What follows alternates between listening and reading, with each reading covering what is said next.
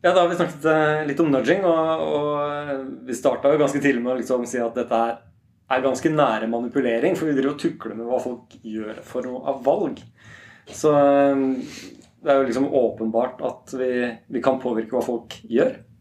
Og det er kanskje ikke alltid like greit. Det er noen etiske dilemmaer her. Ja, og når, når er det ikke greit? Ja, når er det ikke greit, ja. Mm. Jeg satt eh, Nå ble det en litt sånn annen eh, historie her, men jeg satt i en, eh, i en bank, jeg også, og så på atferds, atferden til kundene. Mm. Ikke Jeg prøvde egentlig å skaffe meg et rom til å jobbe med det litt ordentlig. Ja. Men der var jeg selv liksom sånn Ok, hva er det vi egentlig lever her? Det var litt sånn forbrukslån og den type ting. Mm. Eh, hvor man egentlig veldig mye av businessen til banken allerede er litt sånn gråsone, men du spiller jo på folks tilbøyeligheter til å overvurdere verdien av penger i dag kontra penger i framtiden. Mm. Så, eh, og så kan man jo nudge for å øke det. Ja. Spille på de biasene. Spille på de biasene du har, Ja. til å ta opp et uh, lån nå som du kanskje ikke tjener på sånn i Mm. det store og det hele. Ja. Uh, så åpenbar gråsone, for å si det sånn. Den er veldig interessant, da, fordi eh, dersom den målgruppen der faktisk ønsker og har det der forbrukslånproduktet, så betyr det at din nudging er jo for å hjelpe de til å ta et valg som de egentlig ønsker. Ja. Men din personlige mening er at de egentlig ikke burde tatt det valget. Ja. Så hva er det du egentlig bør gjøre da? Det er et veldig godt spørsmål. Og, for å gjøre det enda vanskeligere Jeg snakket med flere kunder. Noen av de var veldig glad for muligheten til å gjøre et dårlig eh, økonomisk valg. Fordi de hadde, løsna, de hadde løst en situasjon de var i, eh, som de ikke så noen vei ut fra, annet enn å tape et veldig, veldig dårlig lån. Eh, men da kom de seg gjennom en liten krise. Hmm. Det var ingen andre som ville stole på dem nok til å gi dem den muligheten. Så Ja. det, ikke sant? Det, er, det, er, det er ikke noe enkelt. Det er så eh, vanskelig. Fordi det hadde vært enkelt å si liksom Å ja, så lenge kunden vil det, og vi pusher dem mot noe de vil. Ta-da! Fraskriv oss ansvar. Eh, men når det er dårlig, hvor mye sånn eh, Det er ikke Big Brother, men sånn hvor mye mor skal vi være for disse kundene våre? Og si liksom Nei, kjære venn, det er egentlig dette du burde gjøre. Åh, det er vanskelig, altså. Og hvor mye av det er din egen personlige mening om hva de burde gjøre, og hvor mye av det er liksom, holdt på å si, akseptert samfunnsmessig mening om hva de bør gjøre. Ja, ikke sant? Fordi jeg kan godt se for meg at det er sikkert noen familier som trenger forbrukslån nå, bare for å komme over den liten knekk, Ja. og så vet de at det kommer til å gå bedre. Og da er ikke det som mellomfinansiering. Hva er forskjellen mellom mellomfinansiering og Ja, ikke sant? ikke sant? Det er mange situasjoner hvor du av og til trenger cash nå for Ja. å komme inn i en ny state. Ja. Hvor du er et, eh, hvor du plutselig er på et nivå hvor du kan betjene den lånet. Det var bare mellomting. Men så vi som produktutviklere da, som må legge opp omgivelsene hvor du tar dette valget, om du skal ta det eller ikke. Altså, vi påvirker uansett hva vi gjør. Altså Med rekkefølge det er i, eller hvordan vi ordlegger oss. Hva burde vi tenke på da eh, i sånne gråsonesituasjoner? Og så kontekstualisere litt mer, så man forstår de valgene man tar, f.eks. Mm. Det er en Altså jeg, jeg tror med en gang at interessene til en organisasjon kommer inn på det som er bra for oss, er det vi skal prøve å fronte, da er det en veldig aktiv måte å nudge på. Som, man, som kan gå litt i den etiske eh, Hva skal jeg si eh, Hulen eller gru, eh, fallgruva. Mm. Så og så er det virkelig det vi vil at, også at kunden skal gjøre, fordi vi vet at vi tjener mer penger på det? Eller sant? er det også Det forklarer dem på en måte impacten av deres egne valg. Da. Så dersom de tar for det forbrukslånet, så betyr det at du må betale så og så mye i løpet av den tiden her. Men da er det en balanse mellom det å forklare all den informasjonen der, som er ganske vanskelig for noen å skjønne, Mm. og samtidig å gjøre det enkelt for folk å ta det valget. da. Ja. F.eks. effektiv rente mot eksempler der. Mm. Det er jo noe som alle banker er pålagt til å vise. Effektiv rente med effektiv kost, altså hva det faktisk vil koste å ta det valget der. Men Mm. det er ingen som altså, det er ingen som faktisk skjønner det. på en måte. ja. Altså, jeg hadde en, en veldig bra opplevelse på akkurat det ved å velge. Eh, da vi skulle gå for, eh, eh, for forsikring. Sant? Og så vi skulle forsikre. Vi hadde nettopp fått eh, bil og hund, og da er det en del ting som man må forsikre. Og så eh, Jeg hadde byttet jobb, så da var det også en del ting. Sant? Og så prata jeg med en, en person, og hun Og så Det var noen av de tingene hun sa, som eh, Som medførte at vi ikke brukte eh, også noen av tjenestene. Fordi hun sa den der den, Dere kommer til å betale mer på den hvis dere bare blir med den forsikringen dere har nå gjennom jobb. Og istedenfor å gjøre den, så tar dere den. sant? Så vi gikk over til dem som kunder. Mm. Vi endte opp til å betale mindre. Og vi tok ikke hele altså alle de, de forskjellige forsikringspunktene som vi egentlig hadde Mm. på grunn av henne. sant?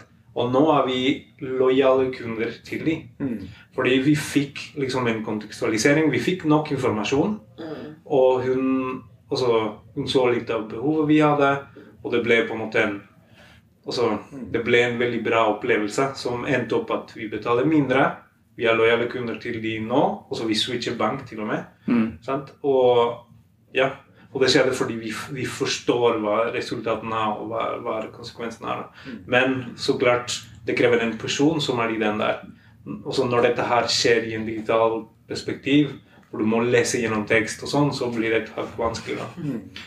Men um, det er det. Det er liksom prøve, prøv, å gjøre så at folk forstår konteksten, forstår, forstår um, um, konsekvensene, men også gi mulighet til å ikke trenge å tenke så langt. Fordi inniblant så folk vil gjerne Mm. bare velge et veldig ofte så er det en overlapp mellom ditt ønske, altså kundens behov, og virksomhetens eh, Mm. hva virksomheten tjener penger på. Mm. Eh, og, og det er jo Det går jo an å problematisere etikken i det for mye òg, ikke sant. Det, Mm. det er lov å selge ting. Ikke sant? Det er lov Ja, å pushe produkter og si at dette er et bra tilbud, og, og utløse et salg. Og det er jo, det er jo atferdsendring, det man gjør når man si, legger ting i postkassa med et stort bilde og en stor prislapp som er, liksom er Mm. 0,001 øre mindre enn noe som høres dyrt ut, liksom. Så Altså, Vi kan ikke ta 100 ansvar for valgene kundene tar. Jeg tror ikke det er etisk at vi heller tenker liksom Du tar det valget på grunn av meg. Og det er jeg som har ansvar. Altså, Vi må jo la kundene eller brukere eller hverandre bare ta de valgene, og til et visst grad så må det være deres ansvar. Mm. Men det vi kan kanskje gjøre, er å bare passe på at det er dem som tar valget.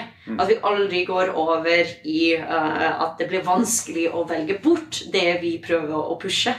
Jeg ser for meg en sånn eh, nettside hvor det står hvor det er en sånn countdown fra ti. Liksom, som bare til- teller 10, 9, 9. Hvis du ikke tar et valg, så blir det førstevalget. Ja, ja, ikke sant? Det, det, da går vi ut av grå og litt mer mot uh, svart og dark patterns og sånt. Uh, ja.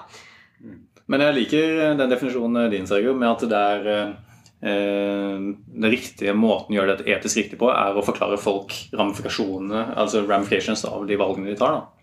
Konsekvensene. Konsekvensene. Mm. Ja, konsekvensene av de valgene vi tar, mm. og hva det betyr.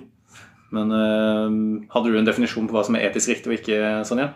Altså, dette er veldig mye snakket om. Eh, Det går liksom hånd i hånd med ok, vi har lært mye, vi skal påvirke folk. Eller skal vi manipulere folk, eller skal vi nudge dem? Hva er dette? Så det er noen sånn grunnleggende prinsipper man kan og kanskje bør følge. Da. Og det ene var det litt inn på tidligere, at det skal alltid være mulig å velge det bort. Eh, man skal aldri gjøre det Eller man skal aldri gjøre det vanskelig å velge det motsatte alternativet enn det vi dytter mot. Så det er én ting.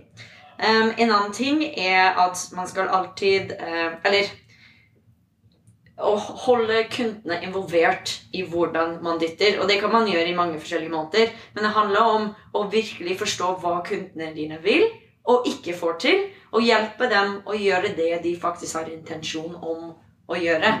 Hvis man kan bevise det, så har man i alle fall noe å bevise at man er på et etisk spor.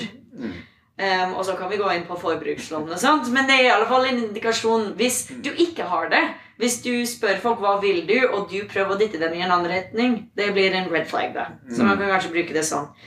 Og det siste er at um, man kan faktisk ha en, være veldig transparent når man uh, nudger. Eh, forskning viser at hvis du forteller folk at du nudger dem, så gjør de akkurat det samme som de ville ha gjort hvis du ikke hadde fortalt dem. Så disse tinga ligger så langt nede at eh, bare at de vet at de blir påvirket, spiller ingen rolle. Men det legger litt av ansvaret vekk fra oss, og det er kanskje litt mer etisk. Hvis alle er med på saken, at sånn Jeg bruker social proof nå. Jeg forteller deg at andre i din aldersgruppe gjør dette fordi jeg vet at eh, det kan hjelpe deg å ta et valg. Nå så jeg for meg en sånn GDPR-variant. Hvor man er nødt til å opplyse om hvilke virkemidler som Å, oh, for guds skyld, nei. Ikke som cookie pop-up, iallfall. Men Hvilke virkemidler har vi brukt her? Ja. Jo, vi bruker eh, Social, social proof. og Loss aversion. Ja, ikke sant? Og hvordan det skal ta form i løsningene våre. Egentlig en sånn call to action til alle designere som hører. Det er ikke noe best practice på det ennå. Vi må bare finne ut av hvordan kan vi ta kundene våre med på det på en ikke obnoxious lukket 20 vindus-type måte.